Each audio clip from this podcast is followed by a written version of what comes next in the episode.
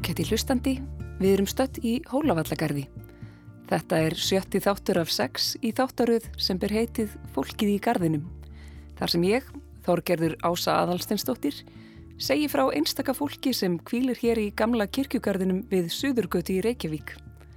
Margir ega daglega leiðum þannan bráðum 200 ára gamla kirkjugarð, til dæmis stitta sér þar leið í gegn eða koma hingað gaggir til þess að njóta náttúrunar í þessum friðsala reit í miðborginni. En hver er saga fólksins á bakvið nöfnin á leggstínunum sem svo margir lappa framhjá á hverjum degi? Sumir veitaðum kannski litla aðtökli á meðan aðrir, eins og ég, geta glemt sér tímunum saman við að virða þá fyrir sér, lesa nöfnin og velta fyrir sér lífi ekkvers fólks sem flest var uppi fyrir meira en hundrað árum síðan. Í þessum þætti verður staldra við leiði tveggja merkiskvenna sem báðar störfuði við kvennaskólan í Reykjavík á hans uppafs árum. Umræðir Þórum Elsteð sem stopnaði skólan á samt eiginmanni sínum og Ingi Björgu Há Bjarnason sem starfaði náið með henni og tók síðan við stjórnartaumanum við andlátt Þóru áður en hún tók sæti á alþingi, fyrst íslenskra kvenna. Við byrjum á því að vitja leiðis Þórum Elsteð en leggsteinn hennar er í nýrsta hluta gardsins upp við kirkjugarstíin og er reitsnúmer hennar seta 224. Leggsteinn Þóru Melsteð og Páls eiginmannssennar er yngar glæsilegur. Hár svartur steinn, skreittur með krossi. Nafn Páls er efst, þar stendur Pál Melsteð, fættur 13. november 1812, dáinn 9. februar 1910. Þóra Melsteð, fætt 18. desember 1823, dáinn 21. april 1919. Stopnendur Kvennaskólins í Reykjavík, hins fyrsta kvennaskóla á Íslandi. Og fyrir neðan er nafn Sigriðar Melsteð sem var dóttir Páls af fyrra hjónabandi. Og er úthögvin mynd á stöppli leggsteinsins og myndarlegur blómarunni fyrir framann. En gravreiturinn afmarkast af lágum steinvegg.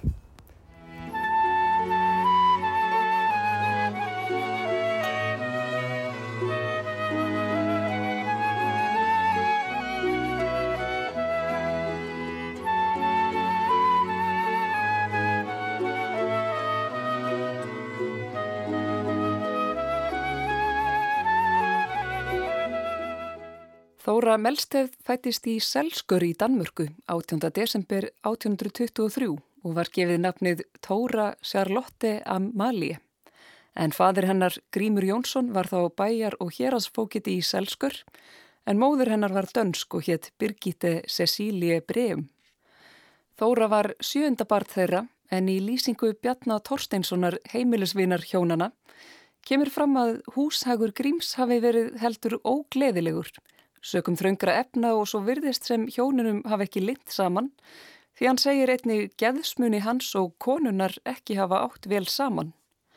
Bjarni lýsir Birgitte, móður Þóru sem sæmilega gáfadri og vel að sér en nokkuð þjættlindri og ekki nægilega þýðri og glaðsina til að laga og mýkja hinn að köldu og vannstiltu geðsmunni eiginmann síns.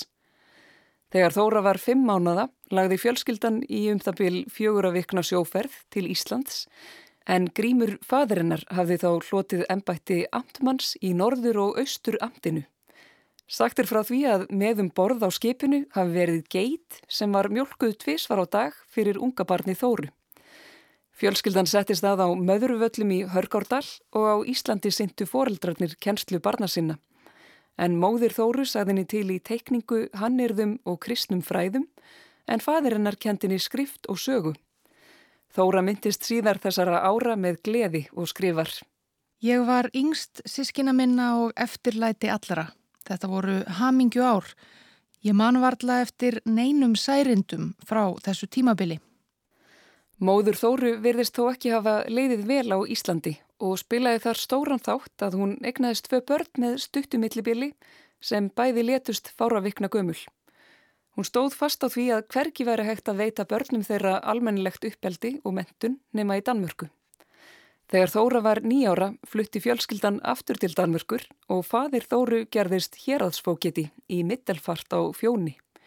Kona einn sem var samferðað þeim á skipinu til Kaupanahafnar skrifaði Þóru bref mörgum árum setna þar sem hún lísti því að hún hefði aldrei getað glimt henni þar sem hún, lítil telpa, satt á trepekk í klefanum og þuldi kynstrin öll af versum og vísum og fór fagurlega með.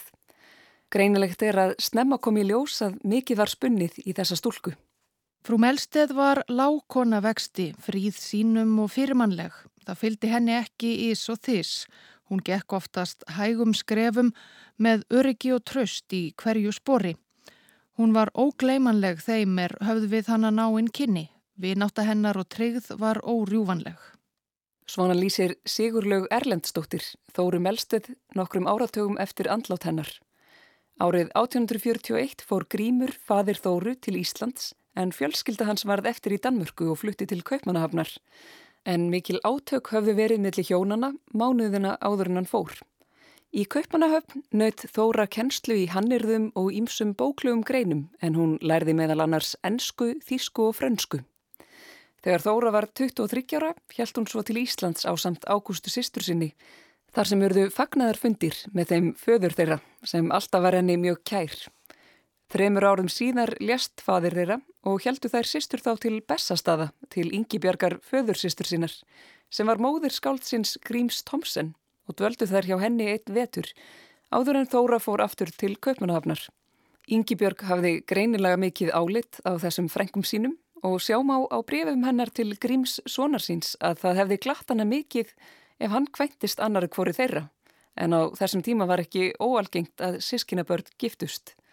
Svo var þó ekki og þegar Þóra hjælt aftur utan sá frænka hennar mjög á eftir henni og skrifaði henni mörg bref þar sem hún kvart hana til að koma aftur heim til Íslands. Í júni 1852 kom Þóra tilbaka og fór að kenna við nýjan barnaskóla í Dillónshúsi við Söðurgötu 2 sem Ágústa sýstir hennar hafið þá nýlega stopnað og starfræktu þær skólan saman frá því. Þórður Sveinbjörnsson háyfirdómari sem kom við sögu í fyrsta þætti fólksins í gardinum víkur að því í einu brefi að tvær dætur hans, Guðrún og Haldóra, séu allan daginn í skólanum og læri að sauma, prjóna, lesa, reikna, skrifa, dönsku, þísku og kristindóm. Stúlknaskólinn lagðist af þegar Þóra hjælt aftur til Kaupanahafnar en hún snýri tveimur árum síðar aftur til Íslands. Ágústa hjælt hins vegar til Edinborgar og snýri ekki aftur.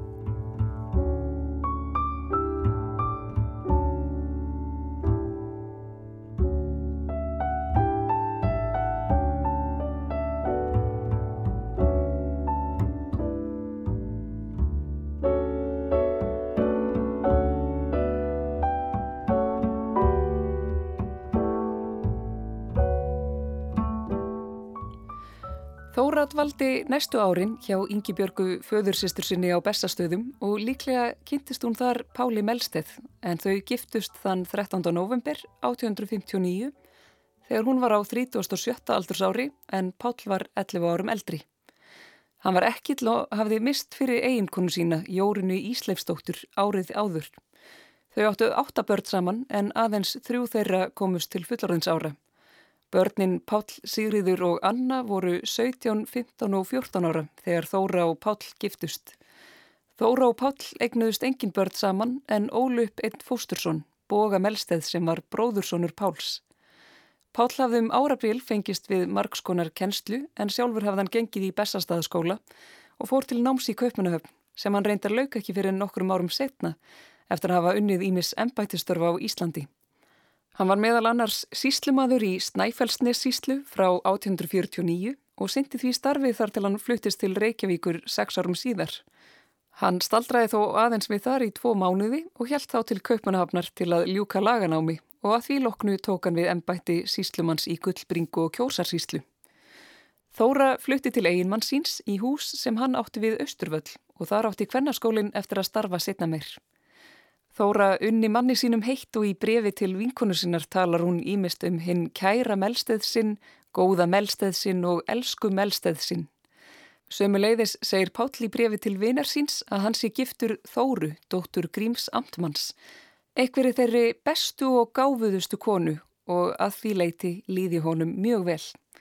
Hjónaband þeirra var farselt en þó voru þau sögð að var ólíkað lundarfari. Páli er líst sem léttum í skapi og oft glað sinna en Þóra var aftur á móti alvarlegri. Sjálf skrifar hún á sextugsaldri. Það er víst mitt eðlisfar að taka ekki eins létt á hlutunum og ég ætti að gera. Þunglindið gerir enn vart við sig og ángrar mig. Kanski lærist þetta með tímanum ef ég lifi.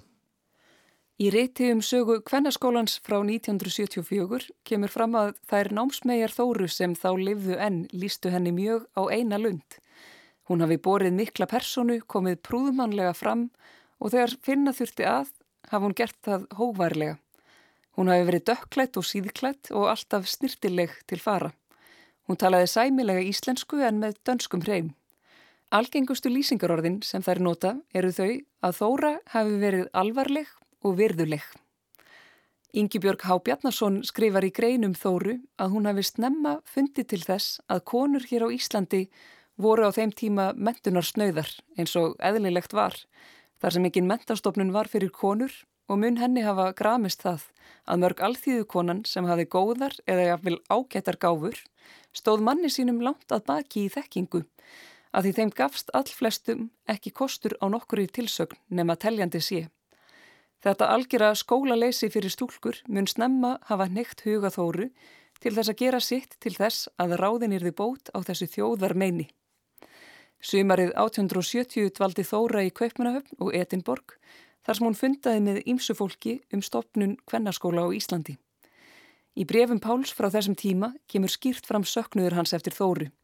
Í einu þeirra skrifar hann til dæmis Nú finn ég best hvað þú ert mér. Ég finn það að ég er ekki nema hálfur maður á þín. Og í öðru brefi segir hann Mín hjartans kona. Ég á svo mikið og er svo ríkur þar sem ég á þig. Góðum Guði sé lof.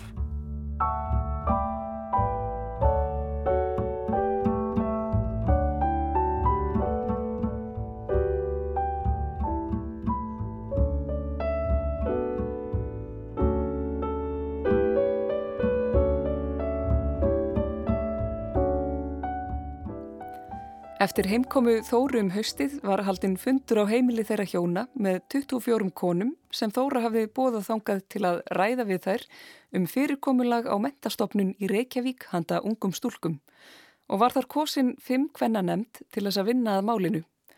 Þeirra á meðal var Ólúfa Finnsen, tónskáld og eiginkona landshöfðingjans en reytari nefndarinnar var Páll eiginmaður Þóru. 28. mars 1871 byrtist svo ávarp til Íslandinga í þjóðólfi þar sem þau sem nefndina skipuðu vöktu aðtikli landa sinna á nöðsinn þess að koma á stopn kvennaskóla. Þóra tók svo til við að sapna fjö og gerði það meðal annars með hlutaveldu hér á landi en einnig fjársöfnunum í Skotlandi og Danmörku sem munaði sannilega mest um. Eftir mikið stapp varð hugmynd Þóru loksað veruleika og Kvennaskólin í Reykjavík tók til starfa í húsi þeirra hjóna við Östurvöll 1. oktober 1874 en fyrsta veturinn voru tíu nefnundur við skólan. Var þá stíið fyrsta og erfiðasta sporið til þess að gefa íslenskum stúlkum kost á að afla sér nokkurar mentunar, skrifaði Ingi Björg Há Bjarnason setna um þetta. Haustið 1909 flutti skólinn í húsnæðið við Fríkirkjuveg þar sem hann starfar enn í dag en þremur árum áður, þegar Þóra var 82 ára, hafði hún látið af störfum skólastjóra. Fridrik áttundi konungur sæmdana þá heiðursmerkjur gulli fyrir vel unnið æfistarf og skrifaði Bóji Melsteð setna að það veri fágætt heiðursmerki sem engin maður á Íslandi hafi hlotið nema hún. Bæði urðu þau hjónin háöldruð og byggu í húsi sínu við Östurvöll til ævi loka. Þau held upp á gullbrúðköpsitt í november 1909 og færðu þá margir helstu menn þjóðarinnar þeim ávarp og Stengrimur Torstensson vinur þeirra orti til þeirra kvæði. Í brefi til Bógamelsteð fósturssonar síns greinir Þóra frá þessum herlegheitum en segist hálf fegin yfir því að þau séu yfirstaðinn. Hún segir jafnframt að Sál Páls sé heilbreyð en líkamsorkan lítill en hann lést örfa á mánuðum setna á 98. aldursári. Þóra og Pál Melsteð voru ekki ríkt fólk en með áræðinni tókst þeim að öngla saman fér til stopnunar og starfsemi kvennaskólans. Bóji Melsteð segir það hafa bjargað þóru á ekki árum hennar að Emilia mákona hennar í Danmörku réttinni hjálparhönd. Á síðustu æfi árum þóru stigu þó eignir hennar í verði og arfleitun kvennaskólan að öllu sínu við andlátið og namn þá styrtarsjóður Páls og Þóru Melsteð handa ungum stúlkum heilar 20.000 krónur sem í dag væru líklega um 10 miljónir í það minsta. Á nýraðis afmæli Þóru heimsóttu nefnendur kvennarskólan sanna og fluttinni kvæði eftir Guðmund Magnússon skáld og af sama tilefni gerði Ríkardur Jónsson brjóstmynd af Þóru en reikvískar konur hafðu sapnað fyrir gerð hennar. Þóra lést á 1907. aldursári og hafði þá nokkru fyrir selt húsið sitt við Östruvöll með því skilir því að hún fengi að búa þar til ævi loka. Á síðustu árunum var hún farin að finna fyrir ellinni, fæturnir voru farnir að gefa sig og sjónin að daprast, en þrátt fyrir það var hún þakklátt fyrir þá heilsu sem hún hafði og skrifaði í brefi einu að þó að sjónin byli, þá sé hinn innri sjónmanns ekki tekin frá manni og það skiptir öllu máli.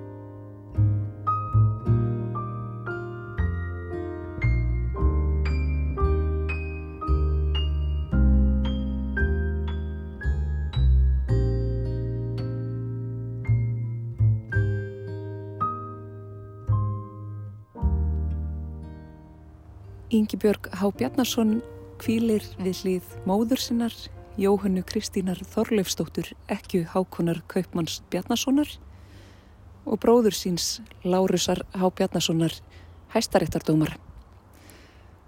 Legsteinar sískinana eru áþekkir, stórir steinkrossar. Og á krossi Ingi Björgar stendur skrifað Ingi Björg Há Bjarnarsson forstuðukona Kvennaskólans í Reykjavík, fætt 14. desember 1868, dáinn 30. oktober 1941. Leiðið er umlugt myndarlegu grindverki úr járni sem er svart málað og í miðjum gravreitnum er hæfilega stórt reynitri svo það skikir ekki á minningarmörkin. Því má bæta við að gravreitur Yngibjargar er rétt hjá leiði Jón Sigurssonar, norðan við gangstígin hjá kluknaportinu í miðju gardsins.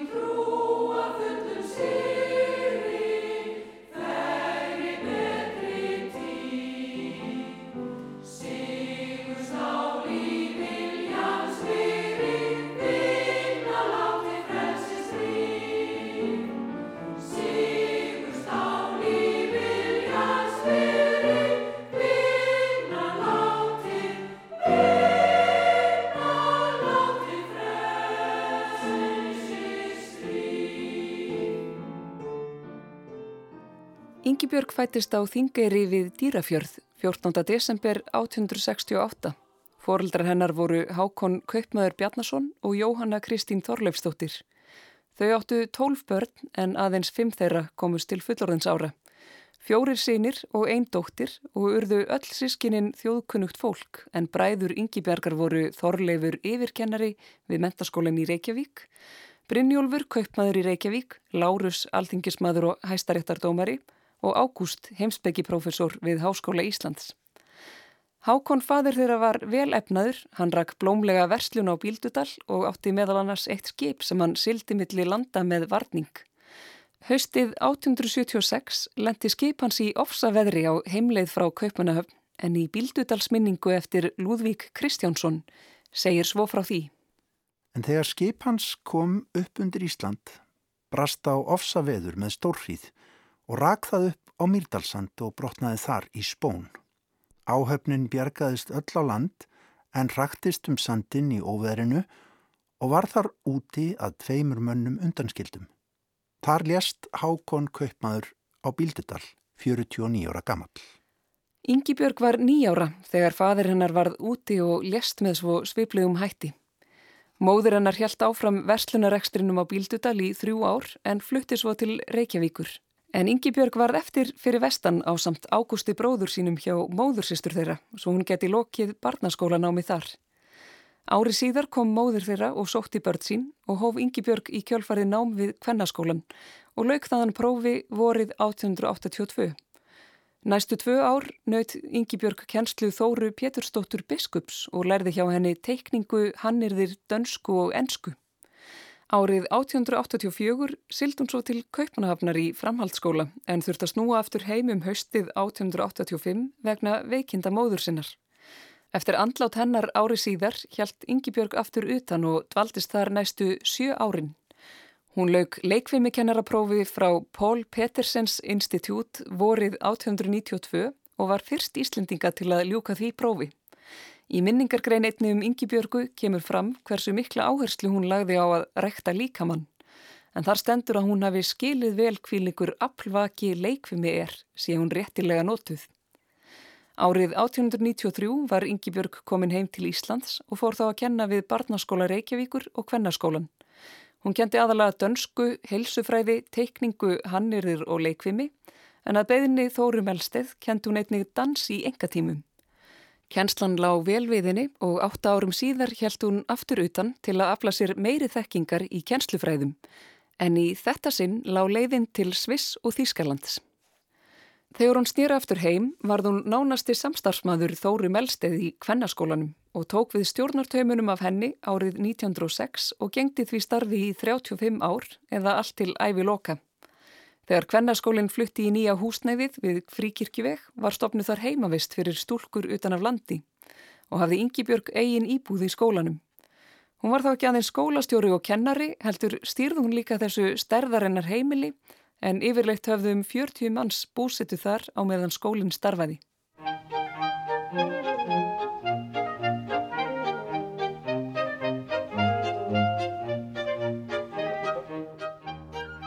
Árið 1894 gerðist Yngibjörg félagi í Torvaldsen félaginu og starfaði þar til ársins 1909.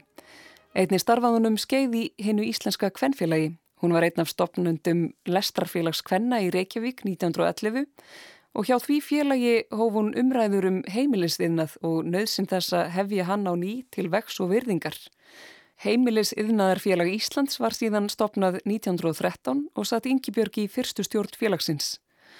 Konur emdu til hátíðahalda á þingsetningardaginn 7. júli 1915 til að minnast þess áfanga að konur hafði fengið kostningarétt nokkrum vikum áður 19. júni.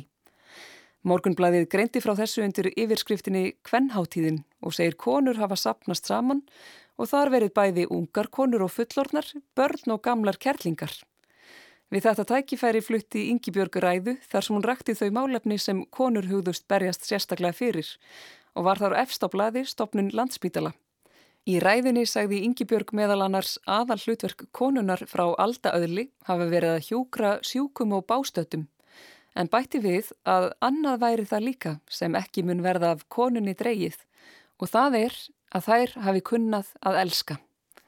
Hún lauk ræðinni með því að byggja viðstata að minnast fósturjarðarinnar en muna þó að svo ást megi ekki verða blind svo hún verði að þjóða róka. Bað hún svo áherindur að rópa með sér ferfalt húra fyrir landi og þjóð.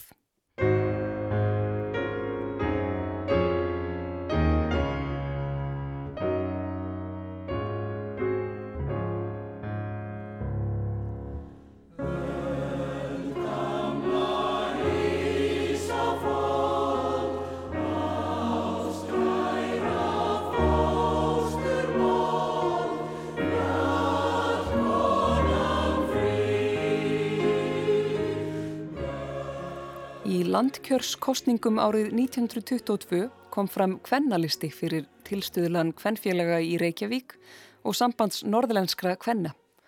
Listin skipaði fjórar konur og var Ingi Björg í efsta sæti hans en auk hennar skipiðu listan Inga Laura Lárusdóttir, kennari í Reykjavík, Haldur og Bjarnadóttir, kennari á Akureyri og Theodora Tórótsen, rittefundur.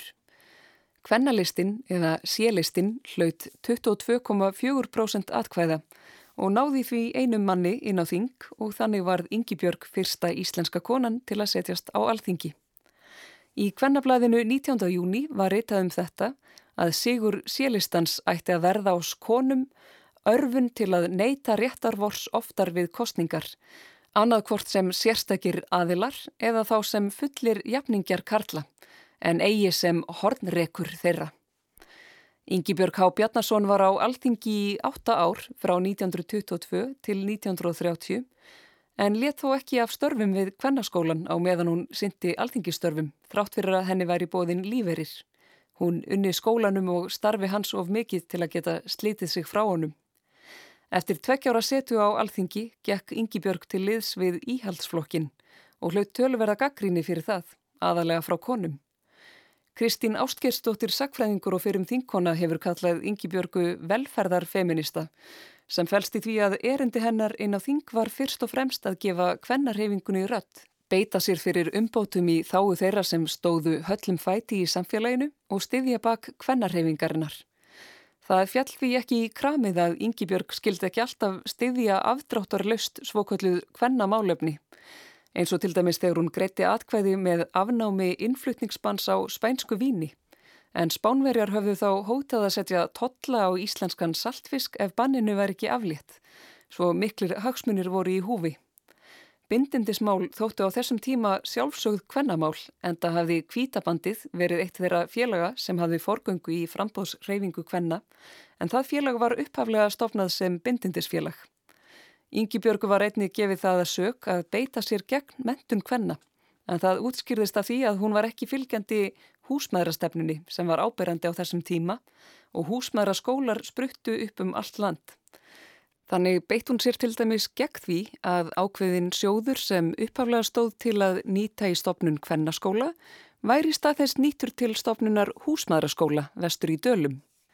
Hún vildi ebla veg kvenna til menta á fleiri sviðum en húsmaðrastörfum en á þessum tíma virðist vilji margra hafa staðið til þess að koma konum aftur á sinn svokallaða rétta stað og átti það bæði við hér heima sem Erlendis þar sem konur hafðu færst meira át á vinnumarkaðin í kjálfar fyrir heimstyrjaldarinnar. Í ræðu einni frá árinu 1927 sagði Ingi Björg Ég hef ekki ennlátið samfærast um að konan geti aðeins rægt störf sín vel undir askloki því sem kallað er að gæta bús og barna. Þá held ég því fram að ekki dugi að einblýna á sérmentunina eina Nútíminn heimtar meira af konunum og þær vilja fá tækifæri til þess að búa sig undir störf á sem flestum sviðum. Það væri hægt að eigða lungum tíma í að fara yfir stjórnmálaferil Yngibjörgar og reyfa þá gaggríni sem hún fjekk á sig.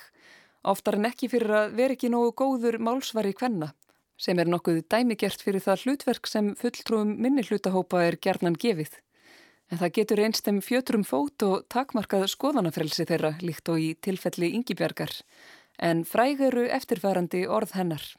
Fyrstu konurnar, brautriðjandurnir, verða auðvitað fyrir ímsu njaski, aðeins vegna þess að þær eru konur, en slíkt má ekki setja fyrir sig. Þegar konum fjölgar á alþingi Íslandinga hverfur það að ráðist sjá þær sérstaklega af því að þær eru konur. Jónas frá Hriblu var einn helsti gaggrínandi yngibjörgar á alþingi og lendi þeim oft saman. Hann bryggslaði henni oft um að standa í vegi fyrir aukinni mentun kvenna en með aukinni mentun var hann auðvitað að vísa til húsmaðuramentunar. Hann gerðist sérlega rætin í einni ræðunni þar sem hann sagði að hjá yngibjörgu kæmi fram Samskonar ergelsi og öfund eins og fram kemur hjá konum sem eru farnar að eldast en hafa engin afkvæmi eignast gagvart heiðarlegu maðurum. Konurnar sem börnin eiga hafa enga sög á óláni hinna og ekki get ég gert að því þótt hátvirtur annar landskjörun þingmaður, Ingi Björg, sé dálítið leiðilegur. Ummæli Jónasar er eiginlega ekki hægt að tólka öðruvísi en svo að um reyna kvennfyrirlitningu sé að ræða. Hann sakaði Yngibjörgu oftum að svíkja málstað hvenna en á sama tíma kvartan hvergi konur til stjórnmálaþáttöku og á þessum árum var heldur engar konur að finna á frambóðslista framsóknarflokksins sem hann skipaði. Í máli sínu nýtir Jónas í þá staðarind að Yngibjörg var ógift og barslaus. En yfirleitt hefur verið gert ráð fyrir því að það hafi stafað fyrst og fremst af því að hún hafi verið gift starfi sínu ef svo má orðið komast. Það er ekki fyrir en mjög nýlega að hins eginn sögurskoðun hefur tekið að reyðja sér til rúms og hefur nafn yngibjörgar borið þar á góma. Ómögulegt er þó að fullir það nokkuð um tilfinningar löngu látins fólks og kendir sem varla höfðu nafniða voru yfirhöfuð til í hugarheimi fólks á þessum tíma. Í brefasafni Yngibjörgar er þó að finna bref frá annari Yngibjörgu sem var Guðbrandsdóttir og yfirleitt kölluð Imba Brands. Svo kona var orðuð við fleiri konur og var lengi í sambúð með tveimur konum, fyrst með Elinu Mattiansdóttur og setna Sigriði Björsdóttur. Bref Imbu til Yngibjörgar eru frá þeim tíma þegar Yngibjörg bjó Erlendis en í þeim er að finna vísbendingar um að þær hafi hugsað sér að flytja inn saman þegar Yngibjörg kemi heim og segist ymba meðal annars telja dagana þar til hún fá að sjá hérna fáru ásjónu nöfnu sinnar og hvaðst vera henni digg til dauðans. Í einu brefana hefur Yngibjörg af einhverjum ástæðum beðið hann um að senda sér tennur, væntalega falskar og ymba svarar. Ég sitt hér og skrifa minni kæru vinu og skoða krók og kring það sem á eftir að hafa þá æru, já og hefur haft þá æru að vera í hennar sæta munni nefnilega tvær tennur sem ég nú sendi á augnabliki en ég sleppi þeim ekki nema með því móti að ég fái hundrað kossa fyrir ómakið, það márheind ekki minna vera, helst 150. Viltu ganga þessu eða ekki? Hún bæti síðan við. Kanski að ég hætti nú þessu gríni sem er þó satt. Vertu margblessuð, elska mín góð og Guð gefi þér mörg gleðileg nýjár, já og helst á strikk, því algjör gleði getur það ekki verið nema maður elski einhvern og offri sér fyrir, ekki satt. En svo verður viðkomandi helst að sína það sama á móti. Svo þakka ég þér mörgum sinnum fyrir þinn góða kunningskap og setna vinskap sem þú hefur mér auðsýnt, en ég borga líka í sömu mynd, það er að segja þér, því ég er þín einleg elskandi vina, Imba Brands.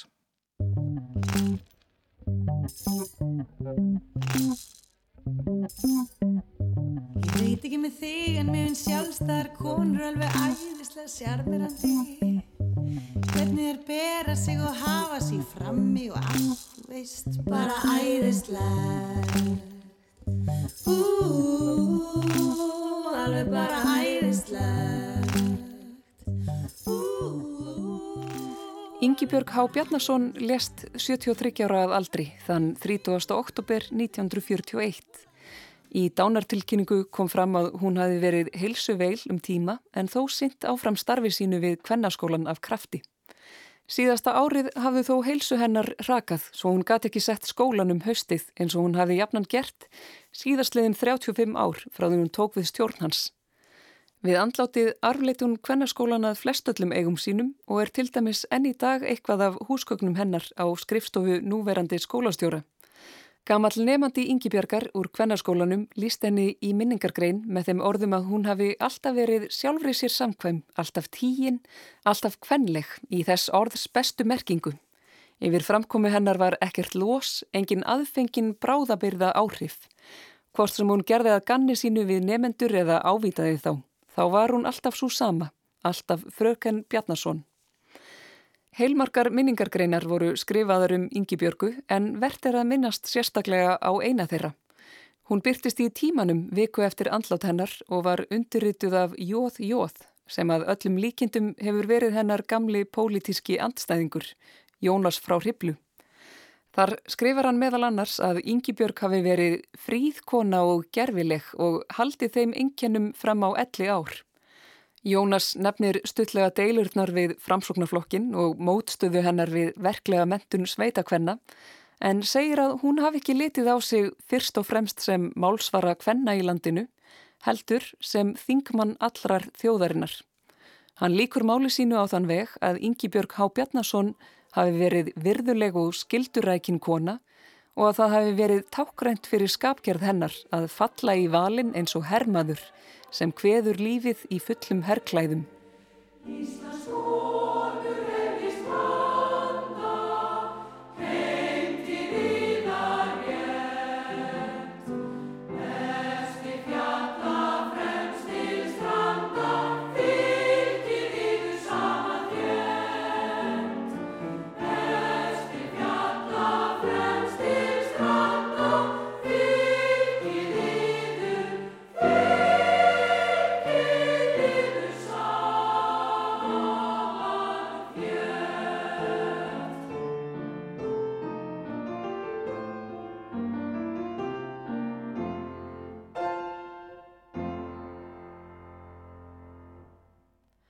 Þetta var sjötti og síðasti þáttur af fólkinu í gardinum. Skengst hefur verið inn í líf nokkura velvalina einstaklinga sem kvíla í gamla kirkjugarðinum við Suðurgötu en sögur fjölmarkra eru enn ósagðar og býða ef til vill betri tíma. Við yfirgefum nú gardin og ég þakka samfélgina þessa sex þætti.